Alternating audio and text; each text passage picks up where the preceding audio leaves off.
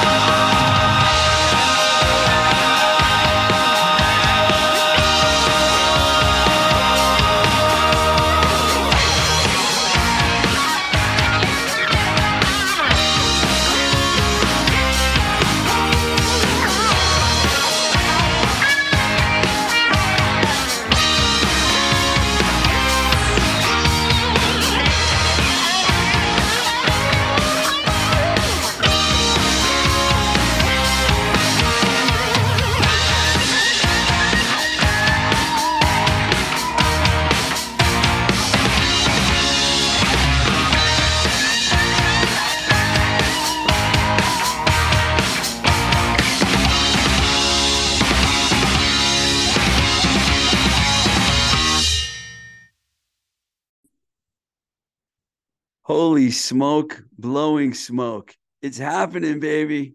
Welcome to Blowing Smoke with Twisted Rico. I'm your host, Steve Ricardo. What's going on out there, my rock and roll friends? Uh, there has been a lot of shuffling around with my guests lately, and this doesn't happen too often. But today, we're going to play you an interview that I just recorded yesterday with Todd Erickson and John Songdale. In other, in other words, the show is coming out the day after we recorded it. Um, these guys are from the Maine based band Holy Smoke, and you just heard them doing a cover of the Cars Bye Bye Love. Definitely one of my favorite Benjamin Orr singing Cars songs. Uh, I like the first two Cars albums are fantastic, in my opinion. So anything from those albums I love. And I like the other records too, but those two, great. Todd was actually on the show. He's actually on the show for a second time.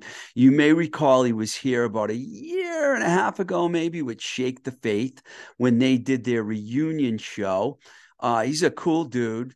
And he told me about the new project. So I asked him to come on, and he brought keyboardist John Songdal. Hopefully, I'm saying that name um, who tells us a great, John actually tells us a great story in our talk about how he toured uh, as the keyboard player with the Red Rockers when they did three weeks opening for U2. How's that for getting thrown out there into the fire? He tells the whole story about that, and that's pretty cool. So stick around for this interview. It's going to come up shortly. I just want to tell you about something else first. We might, you might remember a few weeks ago, we were talking about record stores up here in the Boston area, and I like to go to a lot of stores.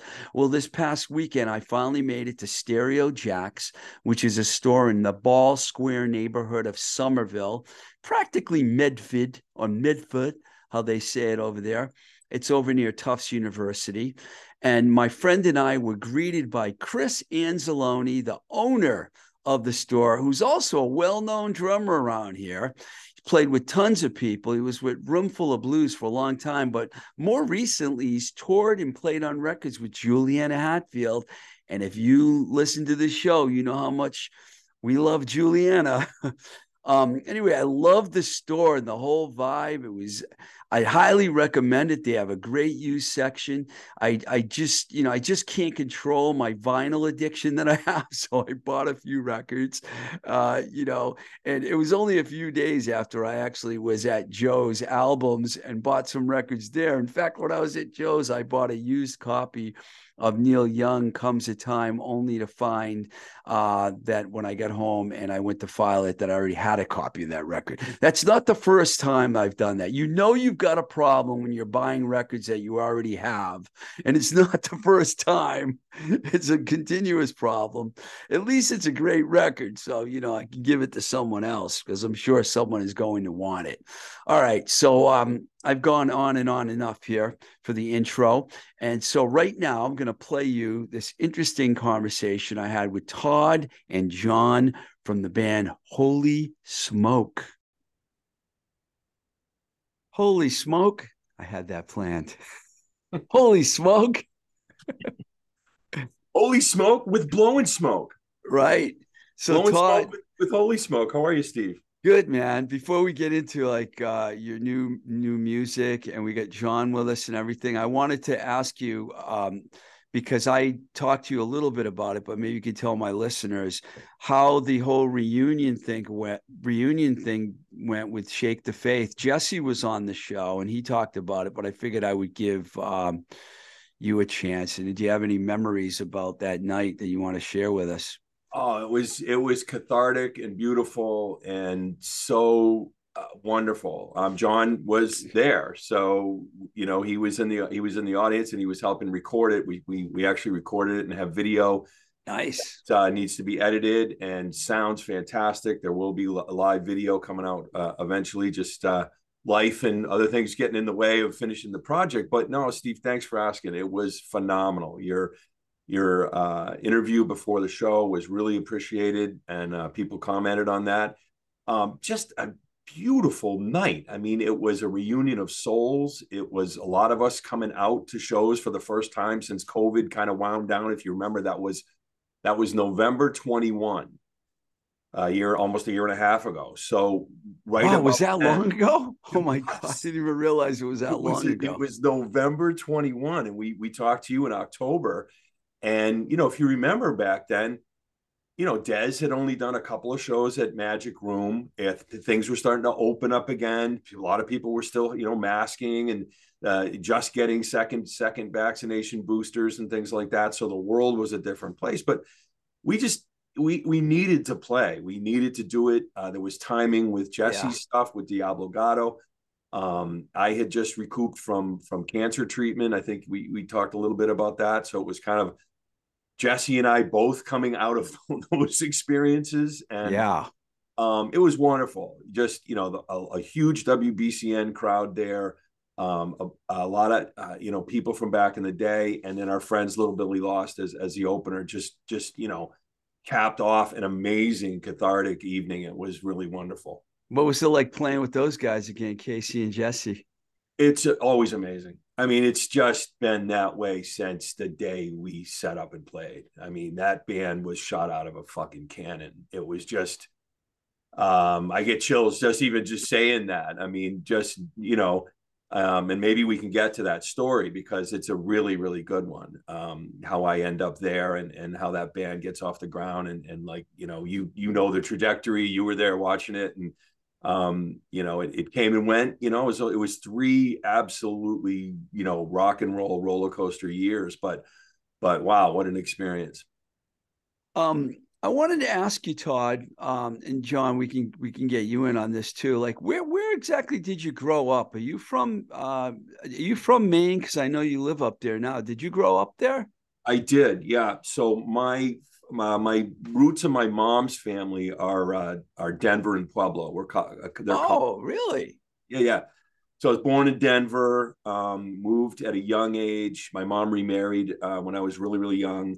Um, so my adopted dad Erickson um, uh, got a job in the Detroit area in the in the auto industry. Um, he was working for a parts manufacturer that ended up buying some uh, industrial property in Rochester and Dover, New Hampshire. So when I was about eight, uh, say you know seventy one, maybe maybe seventy, yeah, seventy one, we moved to Maine, and you know we moved to a podunk town. Um, and uh, you know i basically grew up in a barn. I literally had a big farmhouse with a From barn. Detroit to a I, barn. barn guy you know and it just created this opportunity for me to live um, out the fantasy of being a kid with you know dirt bikes and bicycles and outdoors and then rock and roll you know we had a, I had a place to play and jam and meet with meet people and, right. and hang out so you didn't really get to experience Detroit at all. You weren't there very long. No, re- really young, uh, in and out in a couple of years. I think we moved there. Uh, I was f- preschool, like you know, pre. I remember going to like kindergarten. I had. There's this funny story of me having kind of my first my first girlfriend. You know, second grade sweetheart or something. My mom likes to tell, but um, no, we moved to. I was in Maine by, I. It must have been third grade Steve, you know, eight eight years old or something. You so said 71, which is funny because I just had um, Robert Duncan, who was the managing editor editor of Creem magazine in Detroit in 1971. It's so I weird. can't wait to I, I, really want to listen to that. I can't wait. I just haven't had time since you since you posted it. I can't wait to take it in. Yeah, if you're a Lester Bangs fan, it's a must listen for sure. Yeah. J- Johnny, you from Maine too? No, actually, I uh, I grew up for the most part in uh, central Massachusetts, in uh, Oxford, Massachusetts. And uh, you know, throughout school, I was your typical band nerd. I was, you know, aligned with all the people in the band room, marching band, orchestra. Nothing's changed. Nothing's changed. Okay, John. okay, John, you're gonna love this, John. Ready? Bartlett High School, right here, Webster, Bartlett. Mass. Yes. Wow.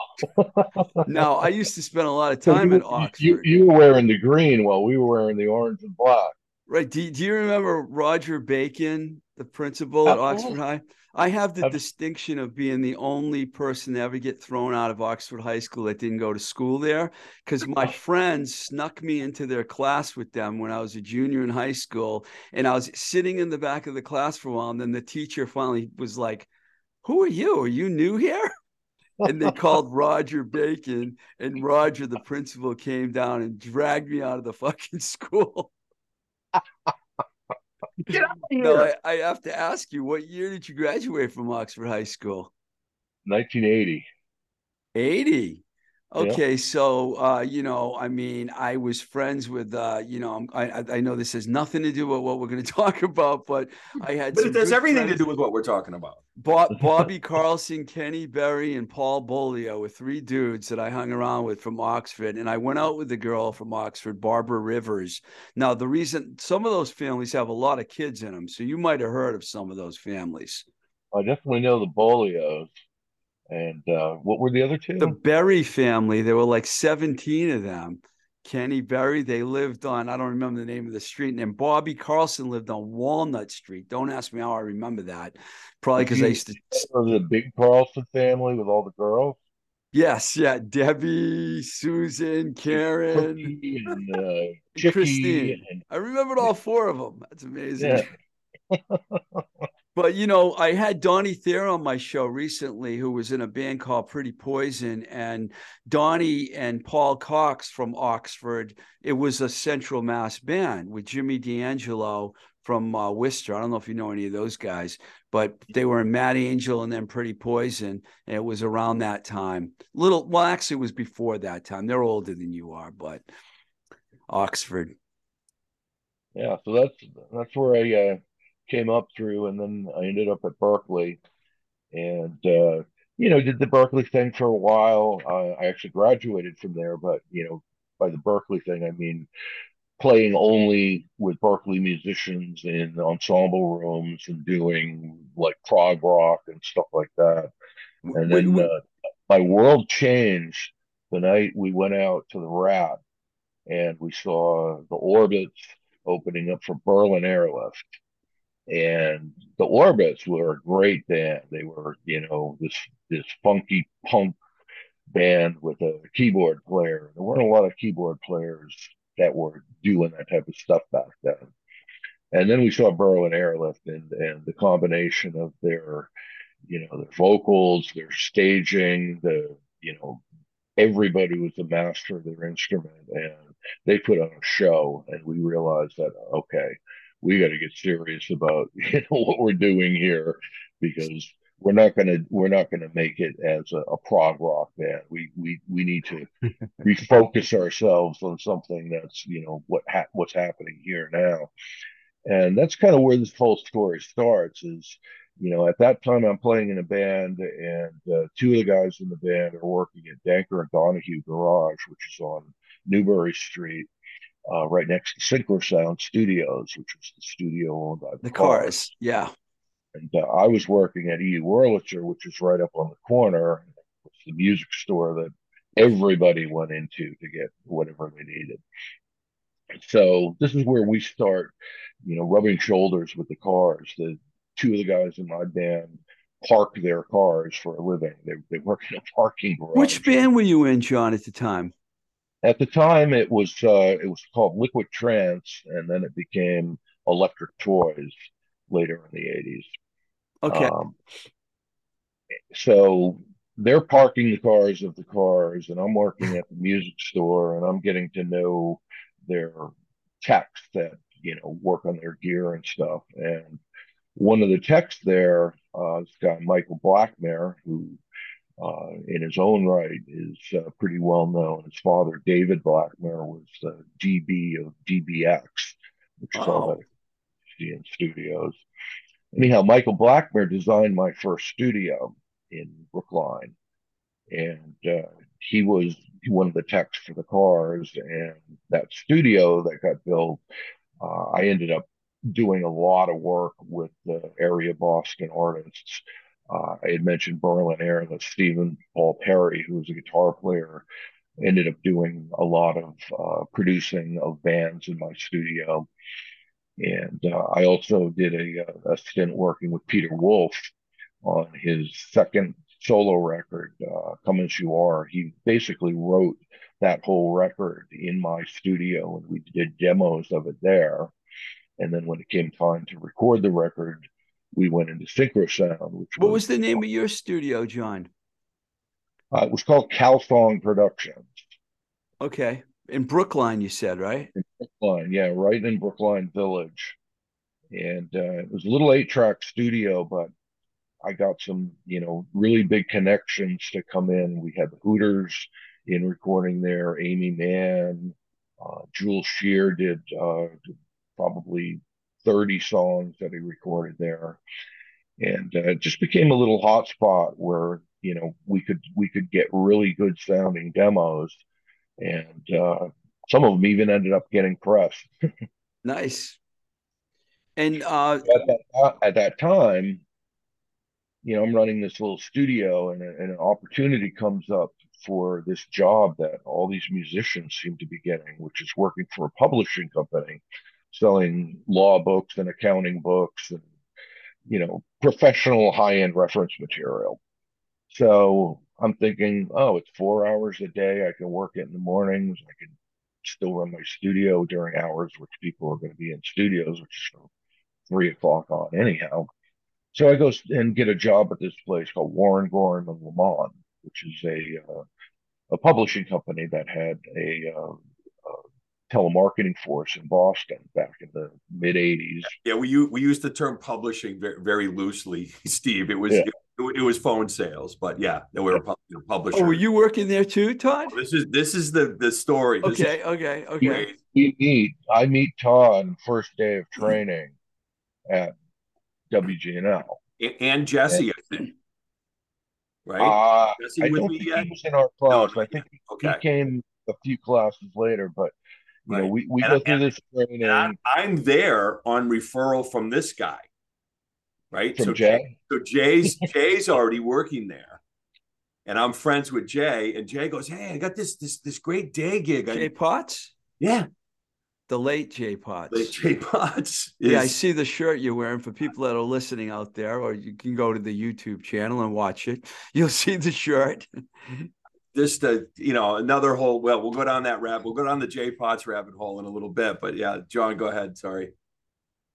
So anyhow, we meet there, and uh, you know we both realize that we're kind of these driven you know you got to be a performer to, to sell on the telephone you got to be able to put your phone voice on and for three minutes become an accountant or become a banker or become a lawyer and talk on the same level as these people and and the ones that it attracts are that the a type personality musicians or actors or dancers or painters or artists of all sorts. So this this was like a melting pot of the Boston art scene.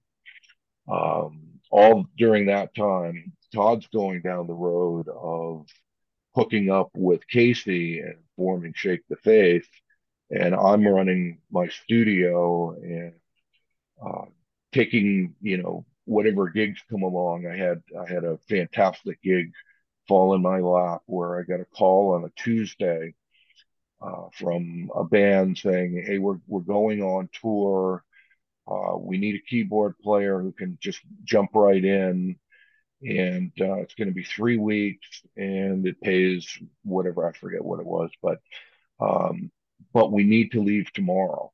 And I was like, oh well, you know, I've heard of you guys, and uh, sounds like a good gig. What what type of uh, venues you be playing? said, well, you know, we play a couple of larger clubs, but it's mostly going to be uh, arena shows and uh, you know large indoor venues. Said, wow, that's great. I didn't I didn't realize you were uh, you know you were at that level. I said, well, no, we're uh, we're opening for U2. This was Ooh. the uh, Unforgettable Fire tour, and the band was the Red Rockers, which is a oh. band. From, Darren Hill was on my show. I love Darren. Yeah, yeah Darren Hill's been on the show. Darren's yeah, an interview with Darren's great. Yeah, yeah, I know those guys. I've met John Thomas Griffith too a few times. uh, when he was in Cowboy Mouth, but I saw Red the Red Rockers. Like, yeah, that's great. So you toured with the Red Rockers. Yeah, yeah, wow. for three weeks. We we did the opening for U2. We I remember you know, that. We, we did a couple of solo shows in between. I can't even remember, you know, all the cities we played, but it was basically down the East Coast and ending up in Miami. Did you go to New and, Orleans with those guys? No. Too bad. No. That's that would have been that would have yeah. been great. to go to New Orleans with them. Wow, that's that's impressive, man. That you were out with them. They were like a real buzz band, and right. and I've teased Darren about this too. The cover of that the the second record, like kind of like they just completely flubbed the cover up, and it kind of get they went from being a cool looking punk band to like what when the world happened with that cover, you know? And they yeah, all regret I, it. They know it. I don't understand that, but somebody got in their ear and uh, got them to do something completely out of character. hey, Todd, you didn't tell me John played with the Red Rockers. I mean, come on. Well, I, you know, I wanted you to, I wanted you to find out. This, this is the, this is the cool part of this story, Steve. So, John, you want me to kind of inter, inter- yeah, you pick it up from from. He's, he's off touring with with with Red Rockers, and here's the here's the wacky connectivity of our world, the sync, the synchronicity, and and and the tie how it ties back to to all this is that I'm up in Maine, and I'm in a little tiny band symbolically uh, called Still Missing. Right, we literally very appropriate. And we're starting to get, you know, the the Tuesdays, the new music nights. I got us into Jax. I got us into the Rat. I got us into uh, the big one, the one that really kind of helped me connect the dots was um, a new music night at the Channel.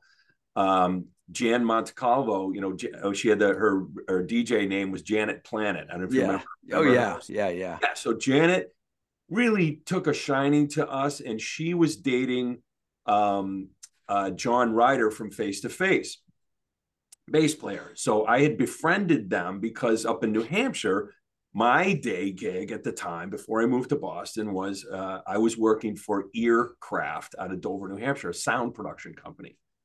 And I was the guy loading the trucks and getting stuff out. And I was dealing with, you know, new models, Rick Berlin, the movie, Berlin, I mean, uh, uh, you know, Stompers, Fools, um, uh, Charlie Fair, uh, Fahrenheit, you know, all of yeah. the kind of bands that were doing college dates all over the place. Earcraft was one of the, you know, leading sound providers at the time. We had this brand of speakers called Turbo Sound. John, you know, remember those um, that uh, British speaker manufacturer that came in and kind of wanted to take over America for a while. We were the rep, you know, for them, and so I was I was getting everything I could do, Steve. Everything that I was doing, I was living, eating, breathing. I was sleeping in my car. I was sleeping at, at Earcraft.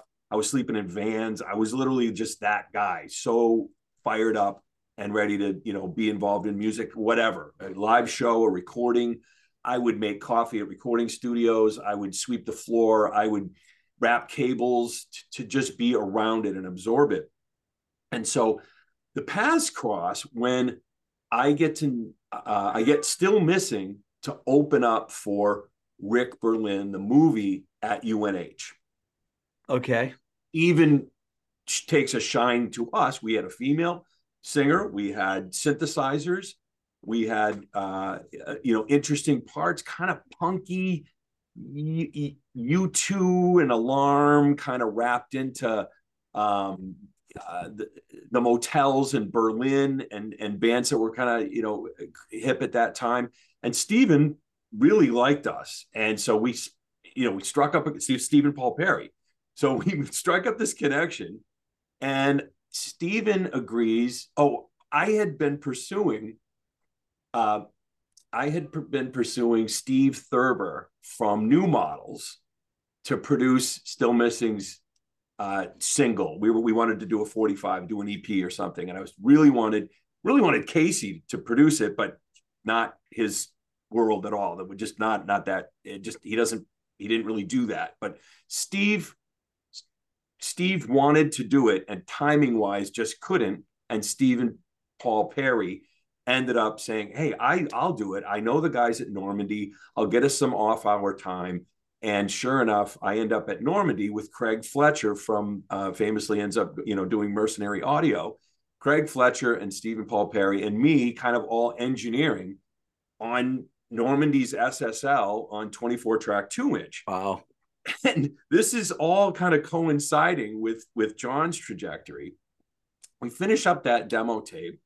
Um, I'm still not really rooted in Boston yet. Stephen is, uh, uh, you know, partners or together with Rick at that point, and I end up uh, at a meeting with Stephen and Rick and and Mark Parenteau from WBCN, and Stephen really pitching "Still Missing" to Mark, and and Mark loving one of the songs. like, this is, he's like, this is great. This is huge. You know, we're going to take it to Oedipus. Blah blah blah blah blah. I go to the final mixes a few days later down at Normandy, and still miss the guys and Still Missing kick me out of the band.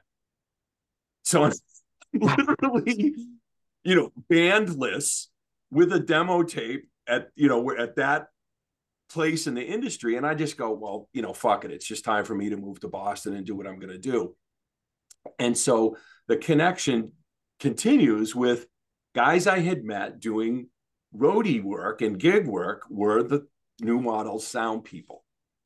Um, so friend of mine still to this day is roger merritt um, who was tech and lighting for new models, and Archie Dentone, their sound man, and I had you know stayed really tight, and and Archie had helped with my band and, and, and done sound for us previously. Roger gets my tape to Casey Lindstrom, and new models are kind of breaking up and f- finishing up right at that time. I was at the the last Rat show that the new models played. One thing leads to another completely out of the blue, my phone number scribbled on a cassette tape. And Casey somehow finds me. I'm I'm living I'm living in my car in Boston. Like at that point, um, you know, working at Strawberries again, kind of doing everything yeah. you do as a musician to try try to plug yourself in. I get a message from Casey Lindstrom uh, maybe a month later. Hey, do you want to have you want to have lunch? I'd like to talk to you. Nice. John's finishing up his tour with uh, with Red Rockers about the same time. Our paths keep crossing between Shake the Faith getting formed and um, Electric Toys on their trajectory. And, you know, years later, here we are in an interview with you. So there's a lot of filler there. If you want to get into it, the stories continue to intertwine. I think you laid it out pretty good. um, so, you know, um, so you got like, if you two been playing together for a while now? Mm. Yeah. Yeah, and it, it's interesting because it, it, it circled back around. I contacted Todd when he posted some old new models uh, stuff up on uh, Facebook and started promoting a reunion show that was going right. to happen. There you go. Uh, so, Steve, you'll remember this. Sorry, John, just to provide context. Do you remember the channel was going to do that that 40th reunion deal uh, with Sean McNally and and everybody. Uh, yeah, yeah. You know why? I, was thinking it was Pipeline, but okay. You're. I thought it was the. I thought you were going to say it was the WMBR reunion thing, but you mean the channel reunion show? Yeah. So the channel yeah. thing uh, got got pulled together, and um, uh, miraculously, Casey and Steve Thurber had agreed to do some new do some new model stuff with Jesse Mayer and I providing rhythm section, and then um, possibly a, a, backup keyboard person. We had thought of John. So one thing led to another, and then you know, COVID just white. It happened right when COVID hit, and that whole thing got got unfortunately slammed. But here we are. You know, this really kind of stimulated this whole. Oh, so the new. I remember you talking to me about that year. Several. You were telling me that there would be a chance that the new models and Shake the Faith would be doing like like a combined thing almost. Yeah, that's so what it so was. Harry Harry uh, Boris had really encouraged Casey. You know, the new models opened the channel. They were the band that played the the VIP, you know, party that opened that club. And Harry's a huge fan. He was Harry was at the Shake the Faith reunion and a year and a half ago. Yeah, you know, I can't go any further without mentioning that when I was in college radio in 81, 82, 83, I was playing permanent vacation regularly. Er, I call it one of the best singles ever to come out of Boston. It right. was just a classic. And that's why when I met Jesse, he's the one that I met first, and he he was in finger Fingerpaint when I met him. But afterwards, he he would call me when I was at Enigma Records about Shake the Faith, and he sent me the demo, which I looked for everywhere and I couldn't find. But I thought I had a cassette. I might. It's just that I have a lot of stuff. So um, I'm going to just fast forward a little bit here. So when, when, Holy Smoke, I don't really know much about the band. You, when you, you tell you, you, you and nobody else.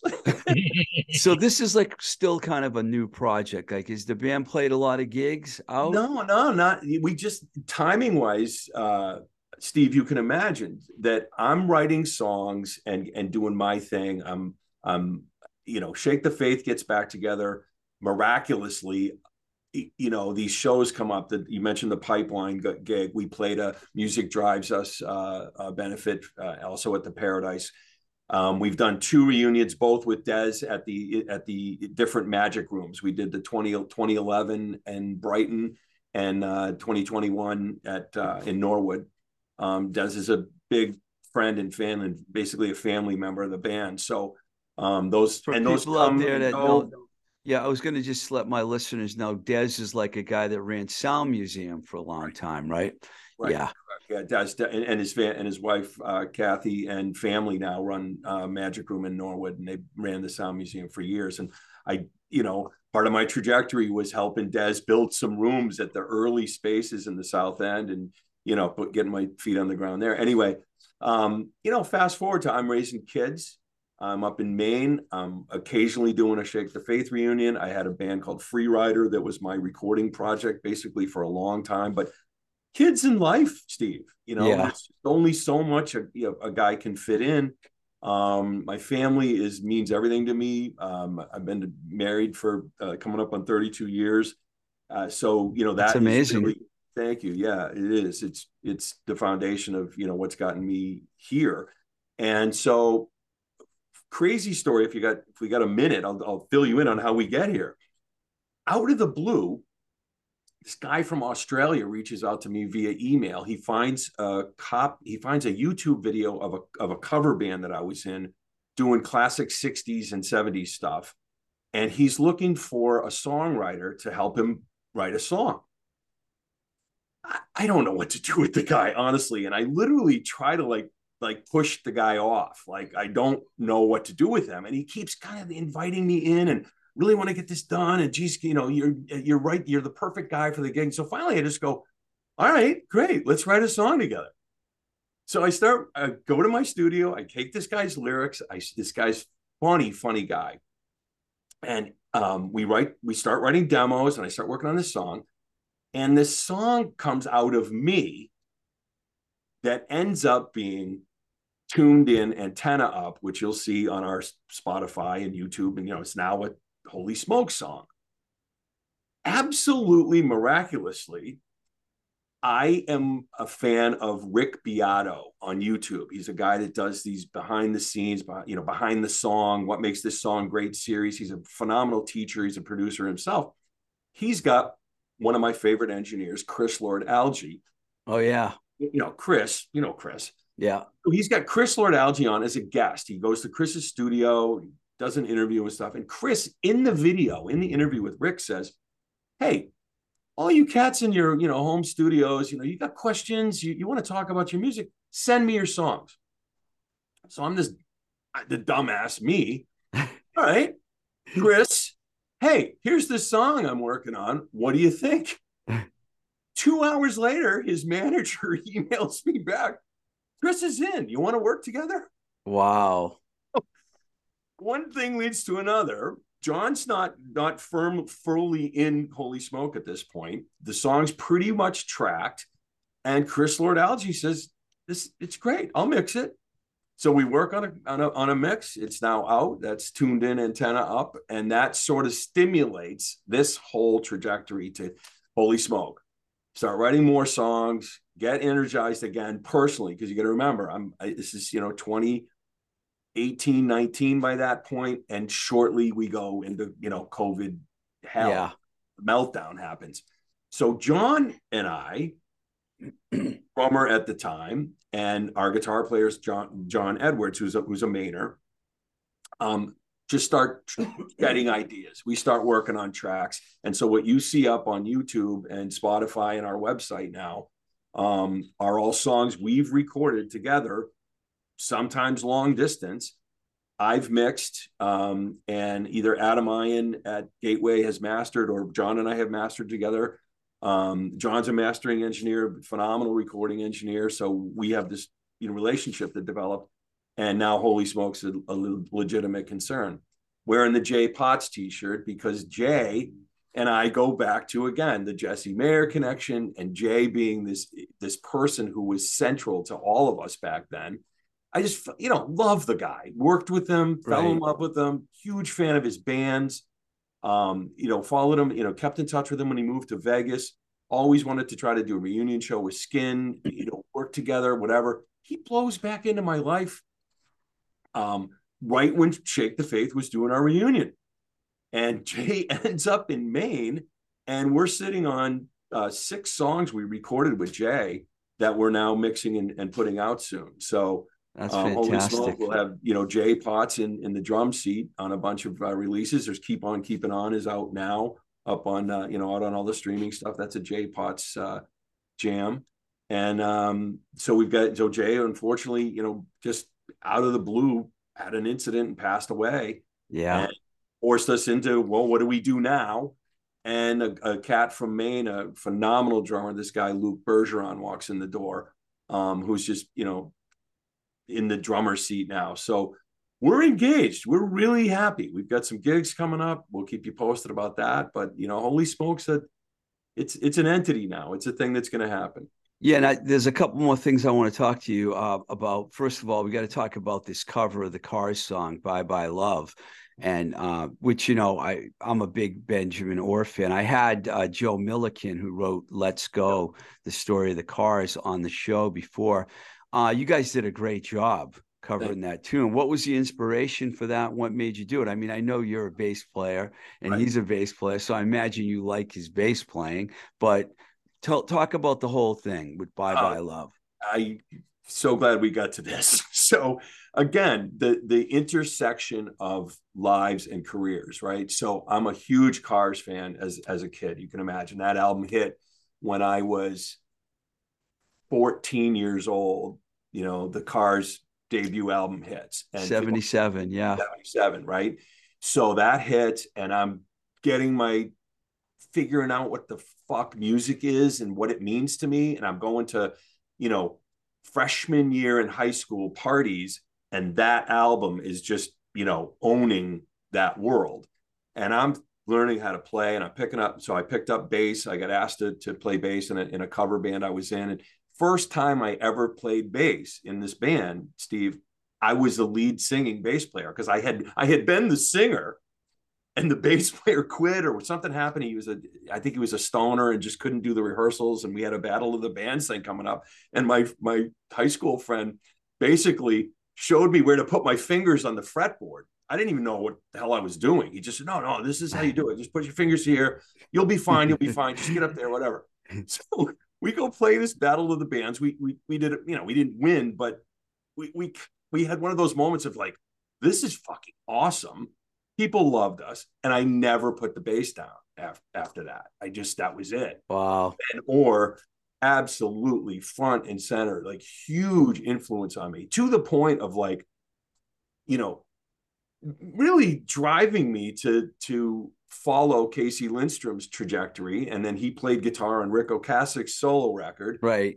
You know, a lot of that stuff went through synchro Sound, new models, and literally pushed me into moving to Boston and becoming, you know, in, in getting into that band and staying with it. And so lead singing bass players, yeah. And Ben, that, Ben just brings such an unbelievable presence to that song and the songs he sang on. And uh, I don't think there's anybody, you know, you you interviewed uh, uh was I'm sorry, Joe Milliken. Oh, yeah, you interviewed Joe in that book and co- uncovering like his secret genius. You know, he was just that soul. And I got to meet him a couple times. I ended up owning one of his bass rigs when the cars just disbanded. They they were um, getting uh, getting rid of equipment. I ended up with a Ben Orr uh, Ampeg SVT. Just a fan, just yeah, a fan, man. Me too. You, you know, you know it's, it's really funny. I, you know, I grew up here before I moved to California. And now I can't. Mm-hmm. Now I'm back here, and uh, it was around 76, 77 uh, the cars were starting to get play on WAAF, Let the Good Times Roll. And they were doing a show on Western Mass at the Music Inn, which is an outdoor venue next to Tanglewood. And they were opening, I love telling this story, for the Climax Blues Band. Because I remember we went out there to see this band, The Cars, and nobody knew who they were because they were only big with the rat circuit and all that at that time. And Ric Ocasek is like eating a hot dog with his kid. He had a kid, a little kid with him. And we went right up to him and started talking. He was like six six, you know, he's a tall dude. And um, ever since then, I've been I was a huge Cars fan myself, you know, and sorry to hear about now we're missing, you know, two members of the band, you know. Well, that was the impetus. Is that I've wanted to cover the song for a really long time. Um, no, no, none of the bands I've been in would would, would indulge that really. Um, famously, uh, we Shake the Faith did we we covered uh, "Let the Good Times Roll" for um, Randy Hines' benefit uh, when he was in a uh, bad health situation. Everybody got you know got together and did that benefit down. Is that the guy from the living room in Providence? Yeah, living room. Yeah. Oh, uh, guy who ran the living room and owned it for a long time. Right.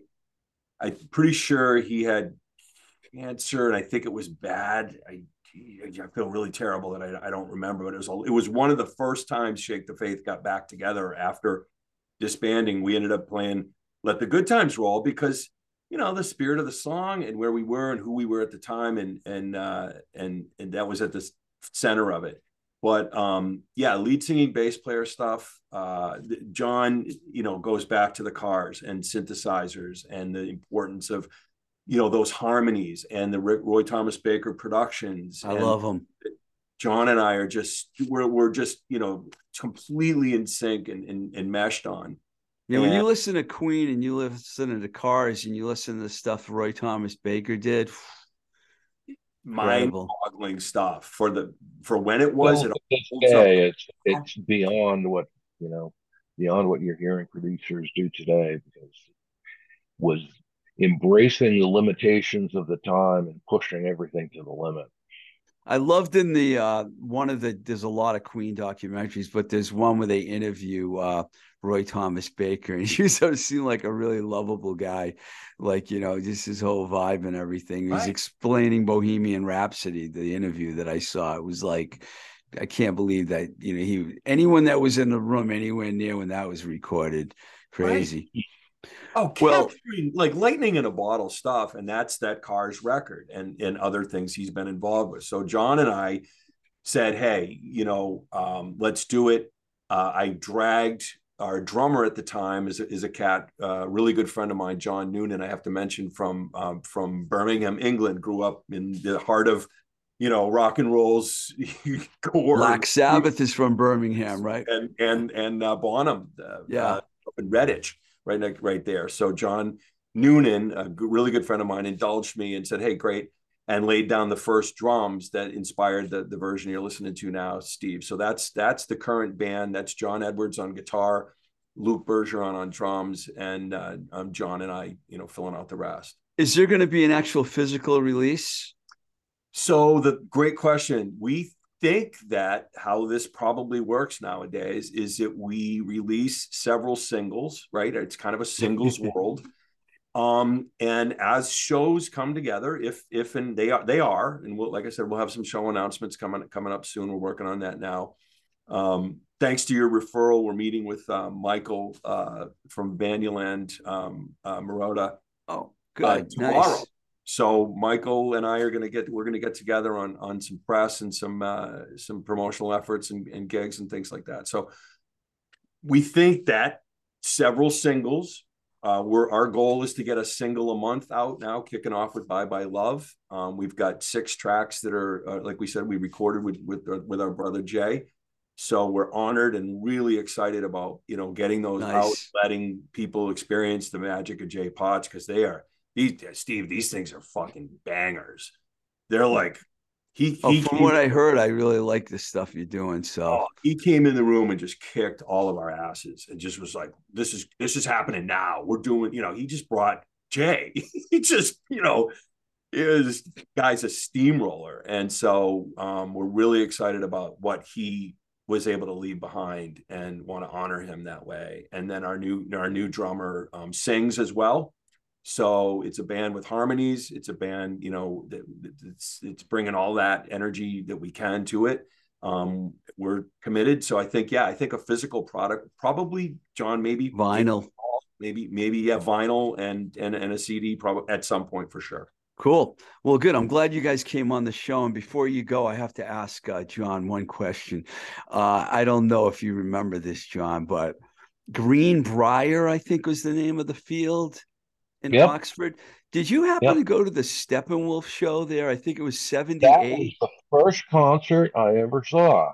Because I when you when you're a kid and you're growing up and all of a sudden you hear Steppenwolf's playing in your town because we yep. were in Oxford was like a little it still is like a very rural place and I, re- I re- town that's what my uh, my wife refers to it as she's also from Oxford and uh yeah so you were there yep yeah that was incredible seeing Steppenwolf my first rock show that I ever went and saw yeah, it was like I don't know how many people were there, but I remember it very clearly because I was still a teenager, you know, and I was like, "Holy sh- Steppenwolf!" Anyways, I have to ask you about that. It's not too often we have Webster and Oxford in the same room, you know, or in the same Zoom. well, that's, good. That's so funny. That's so funny. Well, uh, good luck, guys, man, and th- thanks for coming on the show. I really appreciate it. Honored. Thank you. All right. Peace, guys. Take care.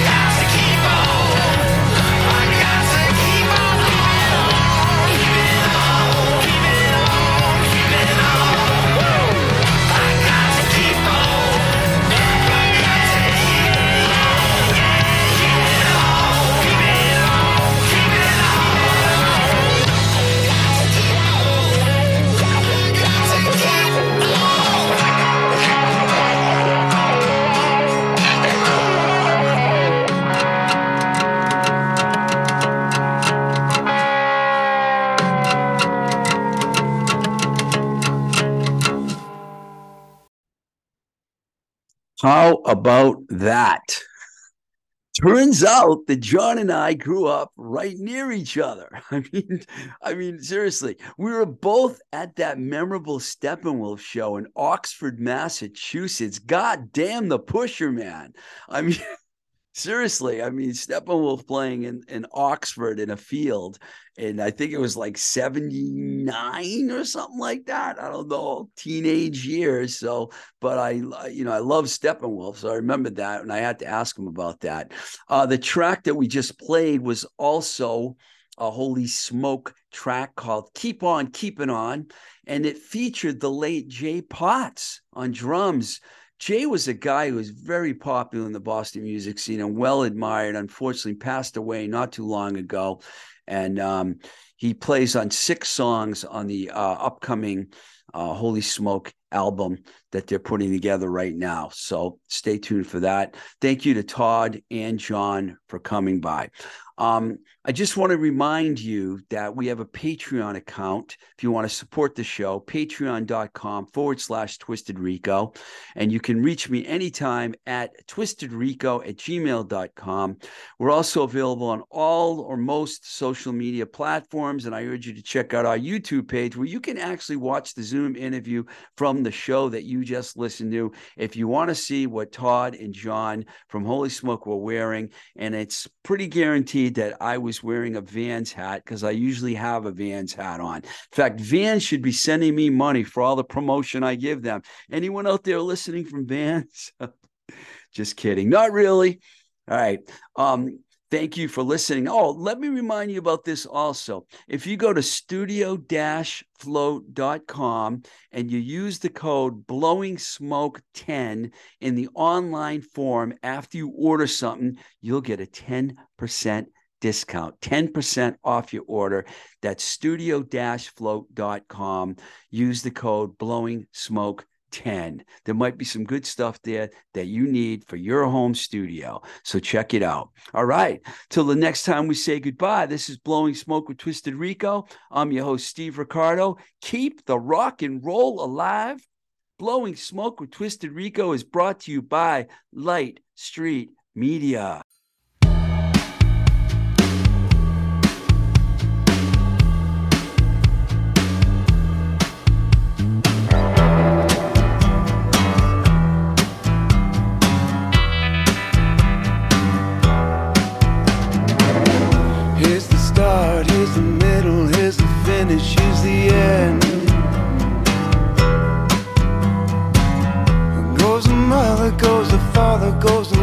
Stays the friend. Got a bunch of cigarette burns in the back of my head. Bunch of cigarette burns in the words I've said. If I die tonight, hold the hand inside and know that I was never meant for no